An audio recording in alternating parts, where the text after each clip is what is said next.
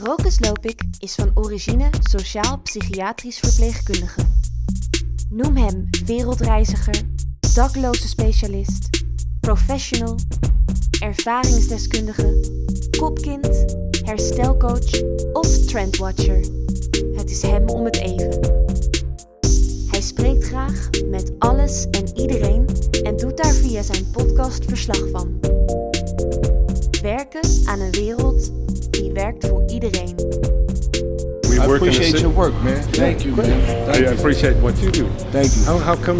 How did you? Well, at one point in time, I was homeless myself. So Okay. um, my brother, my my brother actually started this program.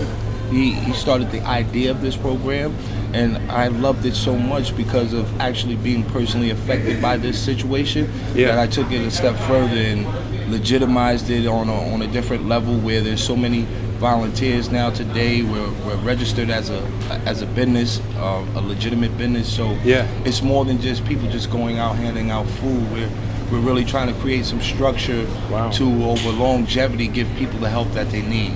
You know. and, and tonight is really important, right? Oh. Because there's like Oh an ice storm Oh coming to the city. it's been brutal at night. I here. read on the news that there's cold blue. Yeah, the weather. The weather has just been really. do you like, know what so cold blue un- means?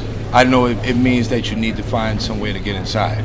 Yeah, and they'll That's take all the homeless people out uh, from the streets, right? It's a lot going on. Yeah. It's a lot going on. So, um, you know, this is why we're doing what we're doing, and primarily to connect human beings. We Yeah. wanna, we're looking to connect the people who may have the answers with the people who do not have the answers. Yeah. Because this is how we grow. and do some of the people that you help become volunteers too? Oh, absolutely, Wow. absolutely. And in That's fact, amazing. we're looking to do that on um, on a more on a more higher scale now because that's what the program is geared towards, Yeah. helping the people that are affected by this situation the most. You know, because they, they can relate more than any other people can. Okay. You know, so that's Okay. what this is about. If you like us at freefoodforthehomeless.org, Yeah. or also uh, Free Food for the Homeless on Facebook, also uh, Instagram Free Food for the Homeless. Spell it out. I got it on word. tape. Absolutely. We'll hook into that, yeah. We'd love for you to do that because we want you to actually see the work that Yeah, we're doing wonderful. instead of me telling you. Because um, you know it's just so much more meaningful. There's so much more to appreciate. So there's a lot of like young people fantasizing out about becoming an outreach worker for homeless people. What is, what would be your best advice for people who are starters in this field of work?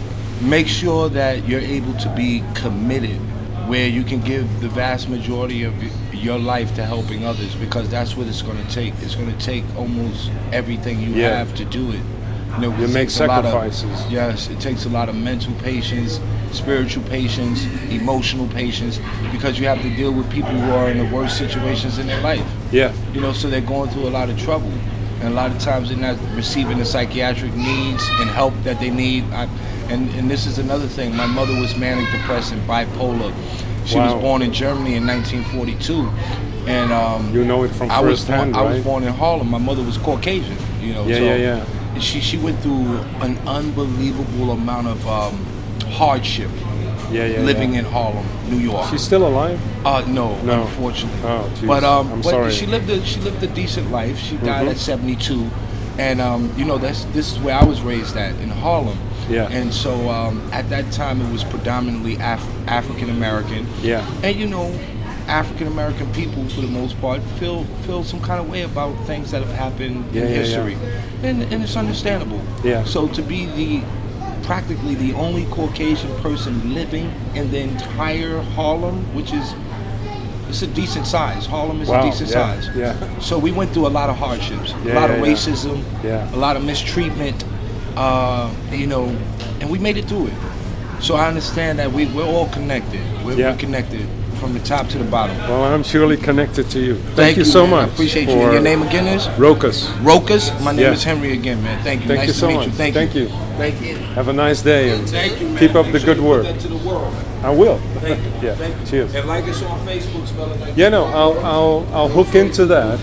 I'll put a message on Facebook And- with and this free- interview, right? and freefoodforthehomeless.org. Or everything Okay. is like it's one word. No spaces, no slashes. This way you get to see the people we service, all of the many other volunteers that I have helping me. And I'd rather you see that than me tell you about it. Great. You know? Thank you so much. Thank you. Have a nice day. Thank you.